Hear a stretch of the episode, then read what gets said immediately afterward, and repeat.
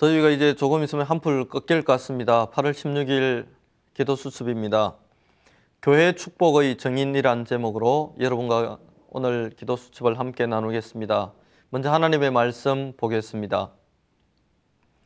너희는 그리스도 예수 안에서 나의 동력자들인 브리스길라와 아굴라에게 문안하라. 그들은 내 목숨을 위하여 자기들의 목까지도 내어 놓았나니 나뿐 아니라 이방인의 모든 교회도 그들에게 감사하느니라. 아멘.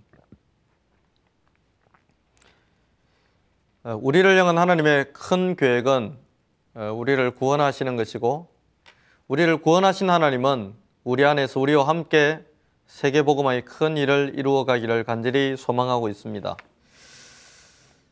하나님께서 저와 여러분을 향해서 가지고 계신 큰 계획 속에는 분명히 사람을 살리는 계획이 숨겨져 있습니다. 또 하나는 우리 교회가 시대적인 어, 응답받는 교회가 되는 그런 축복의 계획도 가지고 있습니다. 그러려면 저와 여러분이 교회에서 축복의 정인으로 어, 서야 할 것입니다. 이렇게 복음받은 우리가 어떻게 어, 해야 할지에 대한 결단, 어떤 응답의 증인이 되어야 할까요? 하나님은 지금도 구원사에게 모든 시간표와 모든 응답과 모든 초점을 맞추고 있습니다. 하나님께서는 저와 여러분이 전도자의 삶을 살아갈 수 있도록 축복하셔서 우리가 참 전도 운동을 펼쳐가는 일에 우리의 인생 전체가 드려지고 또 쓰임 받기를 소망하고 있습니다. 참으로 복음을 가진 전도자가 맞다면 우리는 평생을 하나님께 드리는 결단을 내려야 합니다. 첫 번째, 평생의 결단입니다. 하나님은 지금도 영혼 구원을 위해서 전도 사역을 진두 지휘하고 있습니다. 매일매일 구원받아야 될 자들을 하나님은 구원하시는 구원 사역을 구원받은 하나님의 백성들을 통해서 성취해 가고 있습니다. 오늘 우리가 내린 전도자의 결단, 전도의 결단이 하나님의 계획과 일치해야 합니다. 평신도 빌립은 하나님의 전도 계획 속으로 자신의 인생을 넣고 자신의 인생 스케줄이 하나님의 전도 스케줄에 들어가게 하기 위해서 성령 인도받기 위해 굉장한 몸부림을 쳤습니다. 초대교회는 이 전도가 얼마나 가치 있고 귀중한 것인지를 알았기에 생명을 건 결단을 하기도 했습니다. 초대교회 성도들은 평생 어떻게 전도할 것인가에 대한 결론과 또 결단이 있었습니다. 서대반의 일로 일어난 환란 때문에 주저앉을 줄 알았는데 이분들은 평생을 걸고 하나님의 평생의 전도 스케줄을 알았기에 베니게와 구보로와 안디옥으로 전도자의 걸음을 지속했습니다. 평생의 결단을 한다는 말은 단순히 몇 년을 하고 끝낼 일이 아니고 내 인생에 있어서 가장 중요한 가장 최고인 가치와 의미 부여를 어디에 할 것이며 또 어디에서 찾아야 할 것인가. 이 가치를 알았던 빌립은 평신도 중직자였지만 광약길을 마다하지 않았습니다. 그런 그에게 하나님은 한 나라를 움직일 제자인 내시를 만나게 하는 축복을 주셨습니다. 브리스길라 아굴라가 전도자 바울과 함께 로마를 살리고자 하는 하나님의 응답 속으로 들어가는 큰 결단을 했습니다. 저와 여러분은 이런 평생의 결단들을 내려야 하고 또 내릴 수 있어야 합니다. 평생의 결단을 할 수 있는 사람, 그것은 가치를 아는 눈입니다. 진주를 구하던 장사가 가장 값진 진주 하나를 만났을 때 자신의 모든 것을 거기에 걸었습니다. 밭을 갈던 농부가 보화가 감추어져 있는 것을 발견했을 때 자신의 모든 것을 걸었습니다.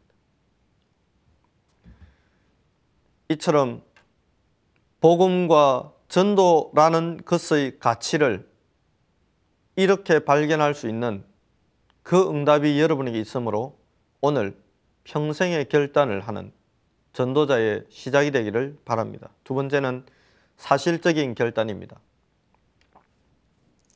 우리가 평생의 결단을 내릴 때는 사실적인 결단이 뒷받침되어 있어야 합니다. 사실적인 결단이라는 것은 기도의 결단입니다. 초대교회 성도들은 이런 사실적인 결단을 했습니다.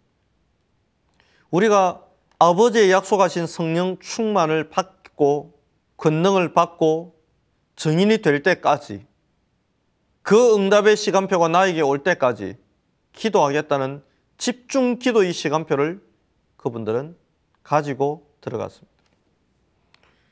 사도행전 13장 1절로 3절에 보아도 이런 평생을 건 중요한 기도의 결단이 있었습니다. 마게도냐의 응답을 받기 전에도 이분들은 하나님 앞에서 깊은 기도의 시간을 가졌고 그 기도가 결국은 현장을 살리는 중요한 응답 속으로 연결하는 축복이 되었습니다. 정시 기도를 계속하면 나의 동기, 나의 감정 녹아지듯이 없어지면서 하나님의 동기, 하나님의 방법, 하나님의 계획으로 채워지는 축복이 있습니다. 무시기도를 해보가면 현장에서 다양한 사건과 다양한 일들을 만나겠지만 당황하지 않고 숨겨진 하나님의 응답을 발견하는 힘이 회복되게 됩니다. 특히 예배 기도를 회복하면 교회 강단의 말씀이 나의 삶과 직접적인 연관성을 띠는 것을 발견하게 됩니다. 이러한 기도의 회복은 현장 속에서의 기도의 회복은 예배 속에서의 기도의 회복은 나의 삶에서의 기도의 회복은 중요한 평생을 건 결단의 사실적인 뒷받침이 되는 부분입니다. 기도할 때 주의 천군 천사가, 기도할 때 전도의 문이, 기도할 때 하나님의 역사가 나의 현장에 임하기 때문에 그렇습니다. 세 번째는 이면 계약입니다. 이러한 평생의 결단과 사실적인 결단을 하는 사람은 하나님과의 이면 계약이 있어야 합니다. 하나님은 시대마다 이면 계약을 가지고 있었습니다. 하나님은 모든 사람에게 특별한 계획을 갖고 그 사람을 찾아오십니다. 그래서 저와 여러분이 받아야 될 당연성의 축복, 현장의 필요를 알고 채우는 필연성의 응답. 이 응답 속으로 들어가면 하나님의 절대성의 축복이 저와 여러분에게 임하게 되어 있습니다. 하나님이 가장 원하시는 것은 전도입니다. 이 전도의 시간표 속에 제 삶이 우리 랩런트의 삶이 우리의 삶이 담기는 것을 보고 전도자의 삶이라고 합니다. 이런 응답의 증인이 되면 저와 여러분 한 사람 때문에 교회의 분위기, 부서의 분위기, 지역의 분위기, 구역의 분위기, 교구의 분위기, 직장의 분위기 전부 바뀌게 되어 있습니다. 이 귀한 일에 생을 드리는 중요한 결단이 있기를 바랍니다. 오늘의 포럼을 나누겠습니다. 오늘 전도를 생각하면서 어떤 마음의 결단을 가지고 있나요? 어떤 결단을 할지 묵상해 보세요. 기도하겠습니다.